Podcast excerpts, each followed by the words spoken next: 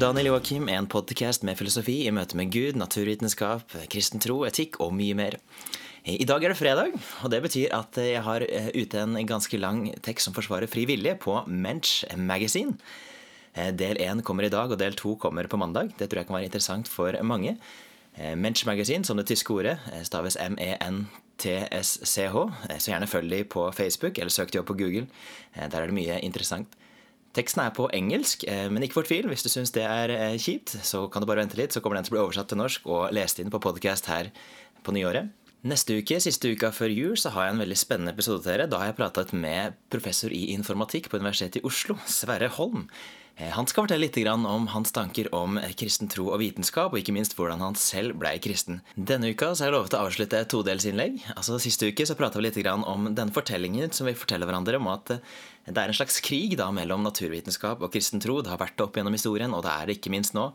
Eh, så det var første del, Men andre del nå handler om mer om hva de naturvitenskapelige metodene går ut på. Hva som er deres begrensninger, og ikke minst hvordan en religiøs filosofi kan skape et mye sterkere fundament for eh, de naturvitenskapelige metodene enn det det ellers ville vært.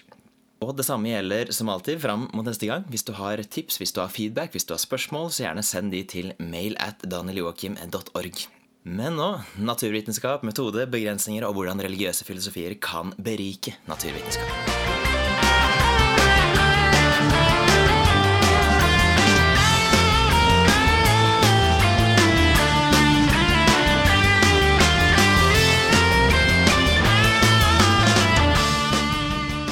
Så andre del handler mer enn noe om denne påstanden som du sikkert har hørt fra mange personer der ute, nemlig at naturvitenskap er den eneste, eller i hvert fall den beste måten å gi oss kunnskap på.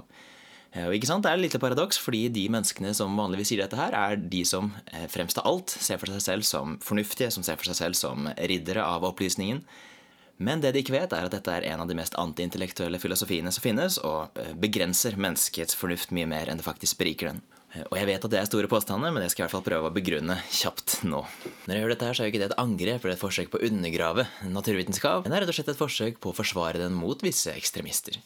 Eh, altså, som, Sånn som alle ting, så fins det gjerne ekstremister på begge sider. Det fins de som fornekter, og så fins det gjerne eh, ekstremister på andre sida igjen. Så vi kan ta med oss Aristoteles sin visdom også her, og si at det fins gjerne en gyllen middelvei. Så jeg håper også at ingen går fra denne episoden og tenker at nei, han Daniel Joakim han ønsker bare ødelegge for alle oss som ønsker å få det vitenskapelige prosjektet videre. Men jeg håper også at et rop om nyanser viser at jeg faktisk forsøker å forsvare naturvitenskap, og at hvis du er uenig med meg, så må du faktisk prøve å forstå og samhandle med det jeg nå har å si. Det kunne blitt en spennende øvelse. Altså En av de tingene som jeg beundrer med da, Thomas Akinas, er jo det at hvis du ser hvordan Summa Theologica, at hans hovedverk, er skrevet, så for hver ting han på en måte skriver om, så tar han inn en rekke innvendinger, og ikke bare dårlige innvendinger, men faktisk prøver å finne de beste innvendingene mot det, han, det som han nå prøver å si, altså de påstandene som han nå prøver å gi. Og så gir han da tilsvar igjen på disse beste innvendingene. Og Det tror jeg er en veldig god modell for oss, at vi må prøve å være våre egne beste meningsmotstandere. Slik at hvis jeg f.eks. skal prøve å forsvare kristen tro, må jeg også være den beste til å forstå og forsvare ateisme. Altså jeg må være langt bedre enn f.eks. Richard Dawkins. Hvis Richard Dawkins hadde vært den beste representanten for ateisme, så hadde det vært en ganske enkel sak. For det fins jo også mange veldig fornuftige ateister der ute som har ting som absolutt har vært å høre på, eh, og som man til og med kan lære ganske mye av. For det hvis det faktisk virkelig var sånn ikke sant, at naturvitenskap var eneste, eller i hvert fall beste måten å gi oss kunnskap på, så sier det mot seg selv at disse religiøse filosofiene, de, mer enn noe annet, så kommer de i veien. Hvis naturvitenskap og eh, religion stort sett prøver å forklare det samme, eh, så er det jo klart at jo mer og mer naturvitenskapen skrider framover, som den har gjort en fantastisk jobb med å gjøre de siste par hundre årene, så jo selvfølgelig jo mindre og mindre plass blir det til Gud og disse religiøse tradisjoner. Men er det virkelig så enkelt? Eh, jeg tror disse menneskene som fremmer slike påstander, de vet det kanskje ikke selv, men de er jo egentlig arvtakere av en filosofi som skred fram og var på høyden ca. Eh, på midten av 1900-tallet. Eh, og det var en filosofi som kalles for den logiske positivismen. Ja, Det er et ganske vanskelig ord, men jeg skal forklare litt. For denne positivismen var inspirert av figurer som August Comte og Alfred Ayer, og de hevdet det at meningsfulle påstander måtte være enten eh, empirisk verifiserbare eller såkalt analytisk sanne. Eh, altså Empirisk verifiserbare. Du må altså kunne eh, gjøre noen slags type eksperimenter som du kan bruke sansene dine til å oppfatte, som måtte finne ut om denne påstanden som du sier er, som du sier er sann. Eller såkalt analytisk sanne. Det vil på en måte si at det per definisjon er sant. Slik at når jeg da sier at alle ungkarer er ugifte, så er det nødvendigvis sant, for det er på en måte det som ligger i ordet å være en ungkar. Eh, men selvfølgelig, det er jo et lite problem med dette her, eh, som du kanskje allerede har tenkt deg. Eh, og hvis du har gjort det, så masse kreds til deg. For det er denne filosofien, denne filosofien logisk positivisme, den i seg selv var jo verken empirisk verifiserbar eller analytisk sann, så den var selvmotsigende. Altså Selve den påstanden her å si at eh, de eneste sannhetene er de som er empirisk verifiserbare eller analytisk sanne, eh, hva i alle dager skal du gjøre med den? Hva slags eksperimenter skal du kunne gjøre hvor du kan bruke sansene dine til å finne ut om det er sant eller ikke? Eller hva slags eh, analytiske sannheter kan du finne fram til for å finne ut det samme? Sånn er det altså selvmotsigende. Hvis den er sann, så er den feil. Så egentlig samme i dag. Hvis noen påstår at ja, men naturvitenskap er eneste kilde til kunnskap, så rett og slett spør de ok, hva slags eksperiment kan du faktisk eh, fremføre for å demonstrere sannheten av det. Eh, for det burde være åpenbart at det vi driver med på dette tidspunktet, er jo ikke eh, naturvitenskap i seg selv, men det er jo filosofi. Det er noe som er mer grunnleggende. Det er noe som er mer fundamentalt. Så Derfor så burde det ikke være noe overraskelse at denne positivismen, som var populær på midten av 1900-tallet, er for lengst forlatt. Men vi kan kjenne igjen tankegangen hos mange vestlige i dag som ikke kjenner til historien. Og i moderne tid så har denne fått en slags reinkarnasjon i form for da denne scientismen. Og det er da denne scientismen som jeg prater om, som er en ganske sånn antiintellektuell måte å drive rett og slett filosofi på. For det er jo det man gjør. Når man eh, gjør slike påstander om hva som er eh, veien til sannhet, så er det filosofi man driver med. Eh, man, kikker ikke, man kikker ikke teleskoper, man kikker ikke reagensglass, men man driver med filosofi. Så igjen da, Scientisme er jo denne doktrinen om at all ekte kunnskap er empirisk, naturvitenskapelig kunnskap. Så Derfor så eksisterer det ikke noen form for rasjonell og objektiv søken etter kunnskap som ikke er vitenskap. Eh, noen tar dette her til helt ekstreme, som den ateistiske filosofen Alex Rosenberg. Han skriver bl.a. i boka The Atheist's Guide to Reality fra 2011, og der skriver han dette fra side 6. Eh, Scientism is the conviction that the methods of science are the only reliable ways to secure knowledge of anything. That science description of the world is correct in its fundamentals, and that when complete, when science tells us, will not be surprisingly different from what it tells us today. Så han sier alltid at eh, metodene til naturvitenskap er på en måte de eneste troverdige måtene å få ekte kunnskap om virkeligheten på. Og når vi da kanskje en vakker dag får på en måte en komplett naturvitenskapelig beskrivelse av alt, så vil det ikke være fundamentalt annerledes fra hva naturvitenskap forteller oss i dag. Eh, og så skriver han videre på side 20 at if we're going to be scientistic, altså ikke scientific, men scientistic, altså eh, tilhenger av denne filosofien scientisme, Then we have to attain our view of reality from what physics tells us about it. Actually, we'll have to do more than that. We'll have to embrace physics as the whole truth about reality. Altså, Vi må på en måte omfavne fysikk som veien til den hele og fulle sannheten om virkeligheten vi lever i. For alle ting må jo da fundamentalt egentlig kunne reduseres til fysikk. Også klart, Dette har jo vært enkelte mennesker sin våte drøm, at alle ting til syvende og sist kan reduseres ned til fysikk. At det vi da kaller for sosiologi, kan i hvert fall reduseres ned til antropologi. Og at antropologi, læren av mennesker, kan reduseres ned til biologi, som igjen da kan reduseres ned til kjemi, og til slutt da til fysikk. Slik at eh, fysikk eh, til syvende og sist kan gi oss en fullstendig og komplett beskrivelse av alle disse andre fagfeltene. Eh, og så klart, Det å underlegge på en måte alle spørsmål for en kritisk vitenskapelig utprøving det høres jo veldig fint ut, og det tiltrekker seg jo nok av selverklærte bekjennere av dette opplysningsnarrativet. At vi står på riktig side av historien, og eh, vi er tilhengere av naturvitenskap og fornuft. Eh, men en slik filosofi vil også bety slutten for de fleste religiøse tradisjoner som nå er forbigått på historien sin skraphaug. Men om denne tankegangen ikke balanseres, så ender den jo paradoksalt nok, øh, nok, opp med å bli et paradigmatisk eksempel på en manglende kritisk tanke framfor alle. For argumentene mot scientisme er jo mange. Jeg burde egentlig fått enhver fornuftig person til å forlate filosofien for lengst. Men her skal jeg særlig fokusere på fire punkter som forhåpentligvis, som ikke overbeviser deg, så i hvert fall begynner å få deg inn på litt andre tanker om hvor man kan utforske mer. Den første er det at scientisme er selvmotsigende og kan bare forsvares på bekostning av å bli en fullstendig triviell påstand. Eh, egentlig ganske meningsløs sådan. Eh, nummer to er naturvitenskapelig metode har visse deskriptive begrensninger. altså Den kan i teorien eh, en gang aldri gi oss en komplett beskrivelse av virkeligheten. Jeg skal utdype alle disse snart, naturligvis. Nummer tre er at naturvitenskapen har visse forklaringsmessige begrensninger. F.eks. Det at hva vi ofte kaller for naturlover, som naturvitenskap henviser til for å beskrive naturlige fenomen, kan selv ikke i prinsippet gi oss en komplett beskrivelse av virkeligheten. Og sist, men ikke minst, det, nummer fire, hva som sannsynligvis blir ansett som hovedargumentet for scientisme, nemlig argumentet fra de prediktive og teknologiske framskrittene til moderne fysikk og dens relaterte vitenskaper, rett og slett har ingen styrke. Eh, og dette er det kanskje det du hører mest. Mennesker som da, Hvis du kanskje påpeker at nei, nei, naturvitenskap gir oss ikke en utfyllende beskrivelse av virkeligheten, så vil de gjerne svare det. Ja, men, ja, men, men se, da. Se hva de siste århundrene har gitt oss. Det er jo på en måte gått i rakettfart. Eh, og naturvitenskap har på en måte gitt oss alt fra vaksiner til eh, muligheten for romfart og eh, den datamaskinen eller mobilen som du hører dette her på.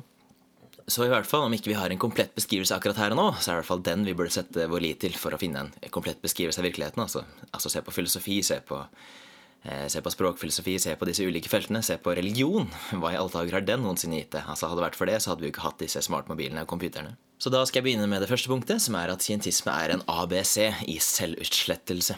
Det som kanskje en observante lytter har skjønt allerede til nå, den påstanden som jeg leste opp fra Alex Rosenberg, den han gir ovenfor, er jo ikke i seg selv en naturvitenskapelig påstand.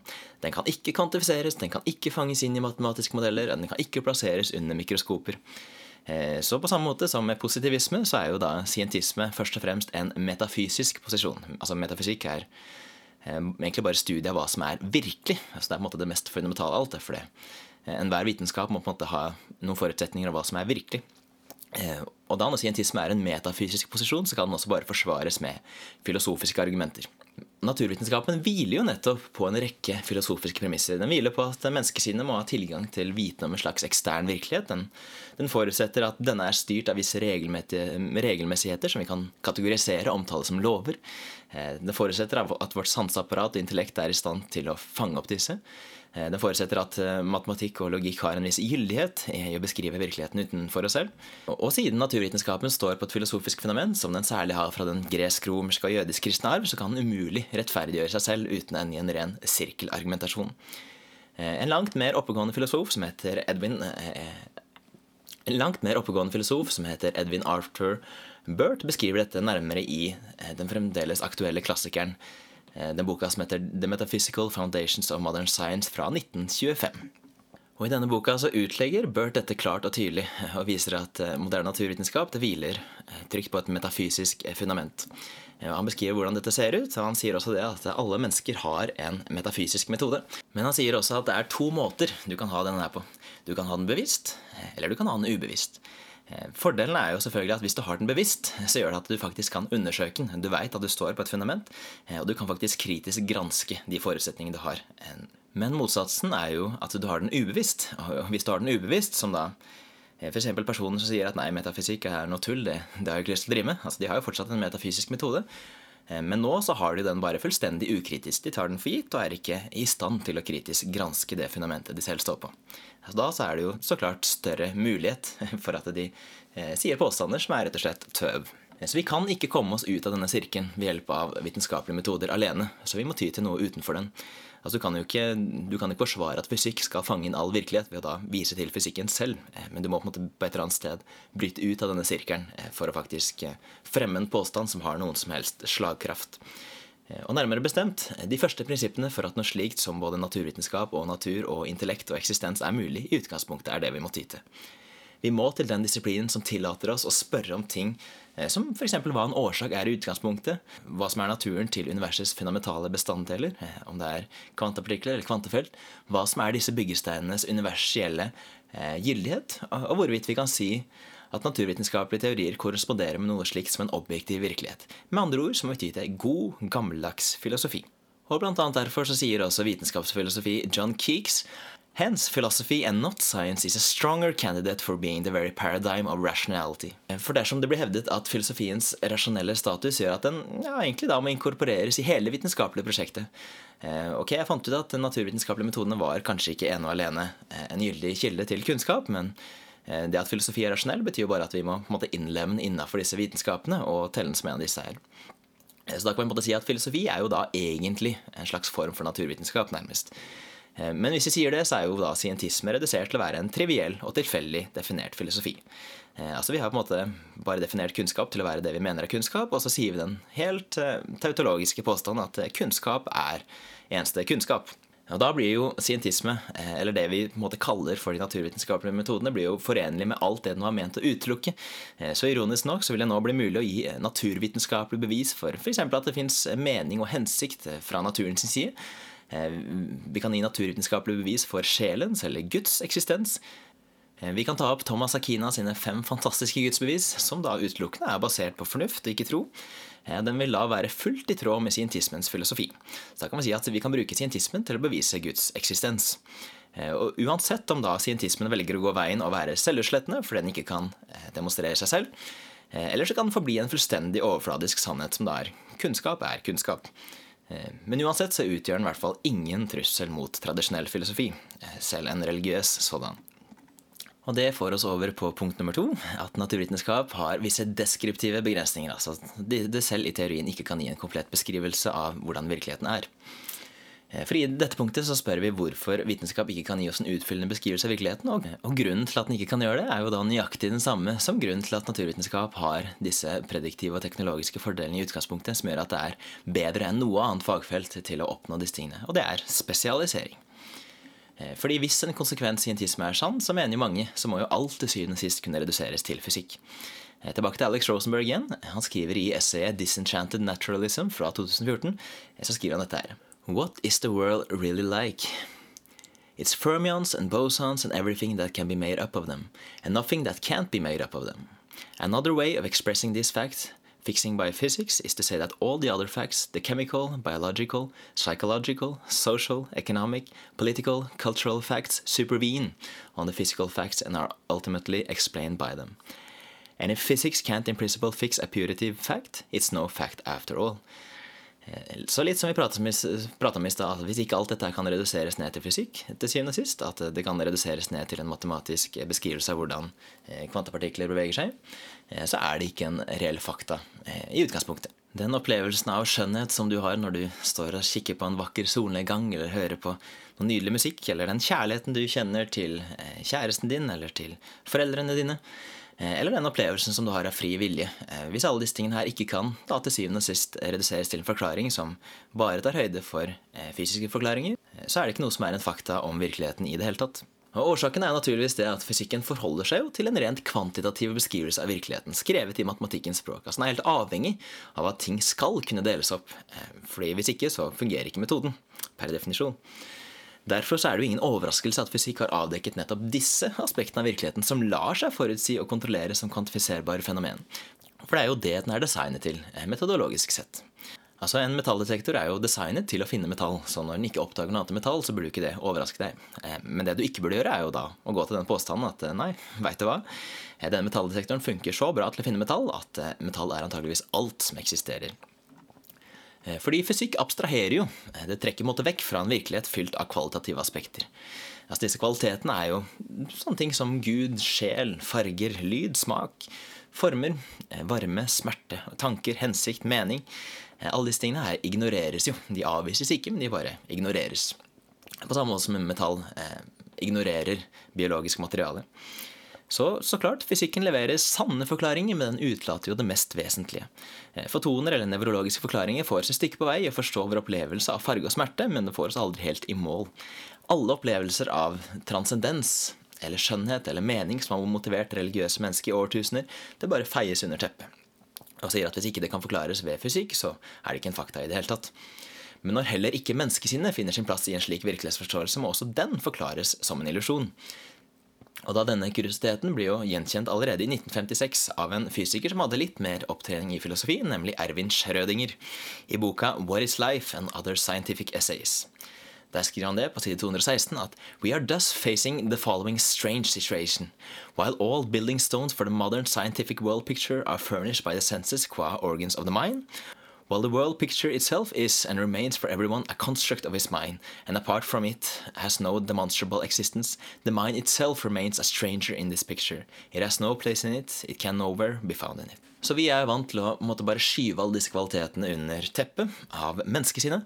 Men så klart, menneskesinnet som måtte er kvalitativt through and through, altså alle de opplevelsene, all den opplevelsen du har akkurat nå, da, av alt det du smaker, av alt det du ser, av alt det du hører eh, altså I deg så fanges jo på en måte det som en enhetlig opplevelse. Eh, hvordan i alle dager skal det engang se ut hvis du skal, skal prøve å dele det opp og gi det en fysisk forklaring? Eh, så Derfor er det heller ikke overraskende at det er mange som rett og slett går til den konklusjonen at vi ikke egentlig er bevisste. Så så klart, denne konklusjonen er jo ytterst merkelig, men det virker å være den konsistente konsekvensen av den virkelighetsforståelsen som scientisme forholder seg til. Alt ekte mentalt liv med denne opplevelsen av skjønnhet og egentlig aktiviteten av all rasjonell tankegang det finner ikke sin plass i et slikt bilde. Du kan se for deg den, den mentale aktiviteten som du trenger for å da få inn eh, nye sanseinntrykk eller nye tanker og måtte prosessere disse i, visse, i henhold til visse logiske regler. Det, det blir plutselig en ganske vanskelig eh, opplevelse. Da, selv når du leser en bok som Alex Rosenberg som hevder at dette her ikke fungerer i det hele tatt. Og Resultatet er jo da at vi undergraver alle verktøy som fikk oss til å resonnere oss fram til en slik filosofi i utgangspunktet. Eh, fordi Hvis ikke vi er bevisste, hvem, hvem er det som da driver med naturvitenskap i utgangspunktet? Hvem er det da som sier at Eh, naturvitenskap er vår beste eller eneste kilde til kunnskap. Så det at våre perseptuelle, altså våre sansemessige og kognitive evner ikke alltid fungerer perfekt, det kan jo på ingen måte rettferdiggjøre en slik konklusjon. Eh, selv om ikke alt du sanser eller alt det du Eh, tenker, eh, alltid viser seg å være sant. F.eks. at du står på litt avstand og ser på et eh, stort firkanta tårn. Så ser det kanskje sirkulært ut fra avstand, for det er jo en slags sånn optisk illusjon, og så går du litt nærmere og så finner du at det er firkanta. Så føler du på ingen måte at bare fordi du hadde feil der, så kan antageligvis ikke disse sansemessige eller kognitive evnene dine stoles på til vanlig. Så det å påberope seg å trekke denne konklusjonen i vitenskapens navn, det overser jo det faktum at selve den vitenskapelige praksisen med hypoteseformulering, evidenskalkulering, teknisk språkbruk og resonnement, ladd med både mening og hensikt, faller under denne subjektive siden av mennesket. Og hvis den faller, så faller også naturvitenskap. Og årsaken til misforståelsen er tydelig, for den informasjonen fysikken gir oss, er abstrahert fra en konkret virkelighet den er kvantitativ, men den er jo da heller ikke i nærheten av å gi oss en utfyllende forklaring av den reelle virkeligheten. Metoden fokuserer utelukkende på de aspektene som kan kvantifiseres, kontrolleres og puttes inn i matematiske modeller, og det skriker derfor ut etter at det er noe mer som må oppdages. Altså dette er jo litt som Når ingeniørene bygger fly, så er de jo stort sett kanskje for interessert i gjennomsnittsvekta på de passasjerene som vanligvis vil være på det flyet. Så de liner kanskje opp alle passasjerene ved siden av hverandre, og så spør de om vekta, og så finner de fram til et eller annet eh, ting som kan matematisk modelleres. Eh, men vil det da si at eh, alle ting er sagt om hvordan man bygger et fly, eller om disse passasjerene som vi undersøker? Nei, så klart er det ikke det. Det betyr bare at vi har funnet ut ett aspekt ved virkeligheten, eh, men som da må utfylles. Altså det er noen sorte og hvite linjer på et lerret som da må utfylles med masse farger, som gir oss et helhetlig og fullstendig og vakkert bilde av hvordan ting egentlig er. Så årsaken til at sånne kvalitative fenomen, eh, også inkludert Guds eksistens, ikke dykker opp i fysikken, er jo ikke fordi fysikken på noen som helst måte har motbevist dem, men det er fordi det ikke kan fanges opp av disse metodene. Og vi må derfor utforske videre med andre verktøy. Eh, og det å appellere til fysikkens suksess for å vise noe annet, er, bare viser at du har misforstått hele spørsmålet. Du har misforstått hvordan eh, vi utforsker sannhet om den virkeligheten vi lever i. Så det var punkt nummer to. Og så til punkt nummer tre eh, er jo det at naturvitenskapen har visse forklaringsmessige begrensninger. Og det fører oss videre til dette tredje problemet, at naturlovene som vitenskapen benytter, selv ikke i prinsippet kan benyttes som ultimat forklaring på hvordan noe kan foregå i naturen vår. Det er fordi, kort fortalt, ingen moderne mennesker har en forståelse av hva en naturlov faktisk er. Filosofen Ludvig Wittgenstein har beskrevet det slik i Traktatus Logico Philosophicus fra 1921. Eh, der skriver han At the basis of the whole modern view of the world lies the illusion that the so-called laws of nature are the explanations of natural phenomena. Eh, og Det høres nok overraskende ut til mange, men jeg tror det er et veldig viktig poeng. Da. Det at eh, Du kan faktisk ikke bruke naturlover for å forklare noe som helst. For hva, hva i alle dager skal det egentlig bety? F.eks. da når Newton formulerer disse ligningene for gravitasjonsteorien. Hva har han, da gjort? Har han da på en måte forklart hvorfor denne kraften er i naturen i utgangspunktet? Eh, nei, han har på ingen måte gjort det. Han har bare eh, funnet, funnet, ut noen mattestykker som gjør at vi da kan regne hvordan masser trekkes mot hverandre. Men fremdeles så er jo denne kraften fungerende i, i virkeligheten.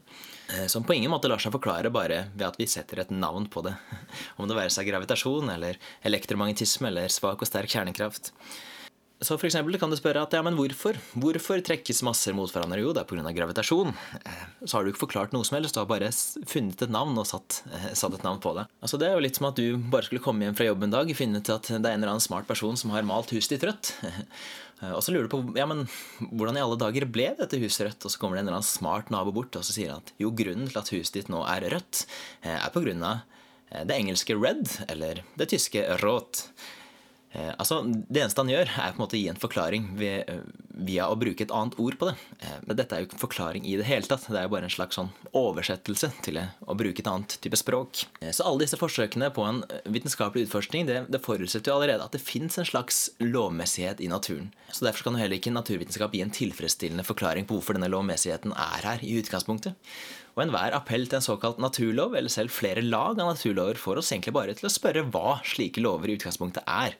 hvorfor de har en effekt, og hvor de kommer fra i det hele tatt. Og der er vi ikke nærmere å ha gode svar eh, enn det vi var for 2500 år siden. På Sokrates og Platon og Aristoteles sin tid.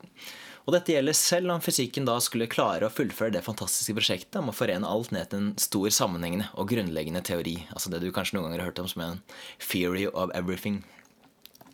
Eh, så naturlover er følgelig rene abstraksjoner, og det kan ikke selv forklare noe uten at vi må henvise til dypere metafysiske prinsipper.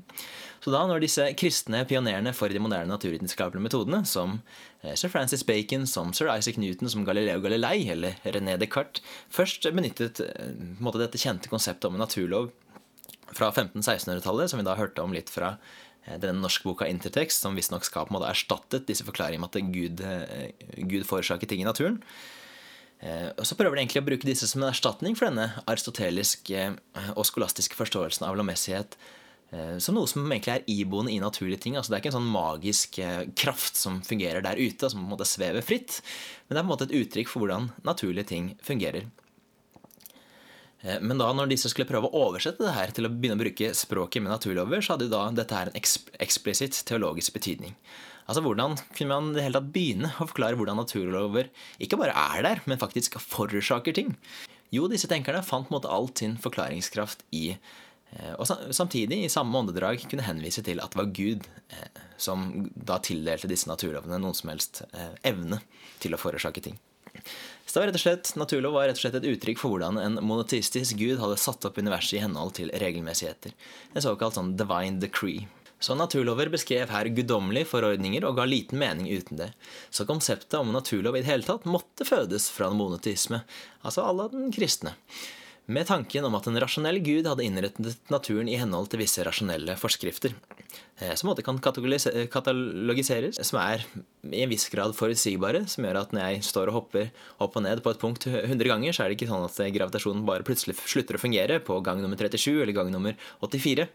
Eh, med at dette er noe som eh, vi på en måte kan tro på med en viss troverdighet. Så på samme måte som at Norges lover må ha en slags autoritet eh, forbi seg selv for å ha et minimum av legitimitet. Altså Grunnen til at vi følger Norges lover, er jo fordi vi tenker at noen fornuftige mennesker har sittet og funnet fram til lover som skaper gode samfunn for oss å leve i. Men hvis vi plutselig hadde begynt å oppdage lover som er eh, rett og slett helt tullete, f.eks. at eh, det er ikke lov å synge 'Bæ, bæ, lille lam' i lunsjpausen, så ville du på en måte tenkt dit og tenkt at nei, dette her, dette her var veldig tullete. Eh, det kan ikke være noen noen rasjonell autoritet bak en slik lov, så jeg tror heller ikke jeg skal følge den. Så ville da konseptet om en naturlov som forklaring på hvor, hvordan ting foregår i universet, ville da også falle sammen uten å ha en autoritet å vise til i samme åndedrag. Men senere så skjer jo det som vi kjenner til i dag, at eh, det er ikke lenger alle som tar del i denne monetistiske arven. Og da vitenskapsmenn som måtte ikke tro på dette her utgangspunktet, de sier gjerne at de bruker ordet naturlov som en slags sånn metafor. Men da er jo på en måte spørsmålet, ja, men en metafor for hva? Nåtidige tenkere har ikke noe godt svar på det. Det fins ikke noe gode svar i eh, litteraturen i dag, men det virker som de rett og slett har glemt spørsmålet. Det virker som de har glemt opprinnelsen til ordet naturlov, og egentlig bare har nøyd seg med det. Så vi tar jo naturlover nærmest som en selvfølge. De fleste av oss tenker rett og slett ikke noe mer over det. Eh, og vi tenker sjelden så grunnleggende at vi forstår hvor problematisk det faktisk er. Spesielt da for de som ikke tenker at det står en monotistisk gud som har eh, forordnet et rasjonelt tilgjengelig univers bak det hele. Så Konklusjonen er at naturvitenskap ikke kan forklare ting som naturlover, eh, men den er avhengig av filosofisk hjelp, for den forutsetter en del ting forut for seg selv. Eh, og da nummer fire. Dette her at eh, naturvitenskap på en måte er så effektiv at eh, den må jo være, om ikke den eneste, så i hvert fall den beste måten som vi kan få kunnskap på. Dette er også et skyggespill, og det er det fjerde punktet. Så hvis scientisme står overfor så ødeleggende konsekvenser, hvorfor blir da ellers meget intelligente mennesker tiltrukket av den? Altså Både de menneskene som faktisk er veldig intelligente, og de menneskene som i hvert fall ønsker å gi et sterkt inntrykk av at de er det. Altså Gjerne de samme menneskene som roper ut at de bruker rasjonalitet og de bruker fornuft, de bruker vitenskap, og de er mye smartere enn alle disse religiøse, dumme overtroene som eh, tror at Gud forårsaker lyn og dårlig vær og alle disse tingene her. Så hvorfor er vitenskapelighet måten, den største diden man kan ettertrakte i dagens samfunn? Mens filosofi og religion gjerne måte, eh, blir nedvurdert og sett på som noe mindreverdig. Og Hvis vi da igjen går tilbake til denne ateistiske filosofen Alex Rosemer, så kan det kanskje gi oss et slags svar, igjen fra denne boka The Atheist Guide to Reality. Og Der skriver han på side 23 at the technological success of science is by itself enough to convince anyone with anxiety about scientism that if physics isn't finished, it certainly has the broad outlines of reality well understood. Så der hevder han på en måte dette poenget her at eh, dette er så vellykka at eh, om det kanskje ikke er ferdig ennå, så kommer det til å komme der. Bare vent. Eh, og så skriver han videre på side 25 at the phenomenal accuracy of its predictions, the unimaginable power of its technological application, and the breathtaking extent and detail of its explanations are powerful reasons to believe that physics is the whole truth about reality. Dette er ekstremt, altså. Eh, så det virker som at det største argumentet i scientismens favør, enten om du fremfører det sofistikert, sånn som Rosenberg, eller mindre sofistikert, sånn som i kommentarfeltene på Facebook, så er jo det at vitenskapens fremgang i de siste århundrene tvinger oss til å tenke slik. Men dette følger ikke uten videre. Altså Uansett hvor god en metode er innenfor sitt eget felt, ja selv om den skulle være fullstendig feilfri, så kan jo ikke det rettferdiggjøre bruk utenfor sitt eget felt uten videre kvalifikasjon. Altså Uansett hvor godt jeg måtte utøve et yrke, f.eks. innafor internasjonal juss, er det ikke nødvendig at jeg automatisk vil eh, prestere fantastisk som musiker eller sjakkspiller eller banksjef. Eh, så det må evalueres på sine egne premisser. Og siden scientisme påstår at vitenskap fanger opp totaliteten av menneskelig kunnskap, så gjelder bl.a. de foregående punktene. Altså det vi har pratet om fram til nå. Så det at naturvitenskap fungerer og gir oss gode resultater som vi kan eh, bruke til å skape god teknologi og, og, og forbedre menneskehetens situasjon, og det er det jo ingen som egentlig betviler.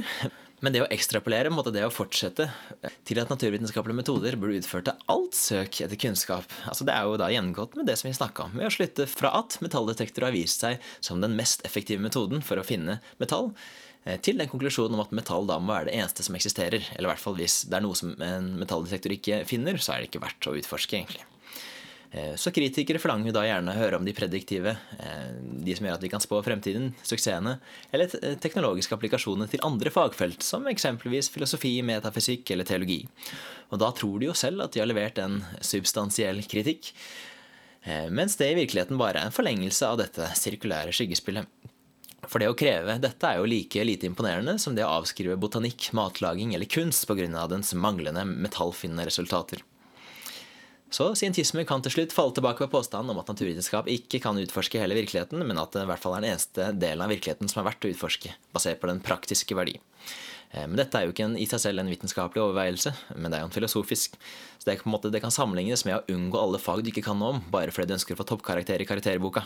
Eller den kjente historien som fylliken som har mistet nøklene sine, eh, og som bare leiter nær lyktestolpa fordi det er der det er lys, eh, og derfor på en måte nærmest har utelukket at nøklene kan befinne seg et annet sted enn akkurat under lyktestolpa. Så en religiøs filosofi står på sin egen bein og kan berike og skape et mye mer solid fundament for de naturvitenskapelige metodene. Eh, for det kan faktisk styrke alle disse forutsetningene som man bygger på. Så om teologi og klassisk filosofisk utforskning eller moralsk kunnskap er verdt å utforske, så står det og faller fullstendig på deres egne bein, uansett hvor vellykka fysikk måtte være. Og disse beina har stått stødig i godt over 2300 år og er fremdeles fullt ut konkurransedyktige. Spørsmål om eksistensen av platonske former, teleologi eller en sjel eller Gud har ikke blitt gjort mindre relevante av vitenskapelige fremskritt. Akkurat som metalldetektoren ikke har diskreditert organisk materiale eller tekstiler. De tilhører bare en annen type rasjonell utprøving som fint kan informeres av naturvitenskap, men hvor filosofien da til syvende og sist vil ha siste ordet.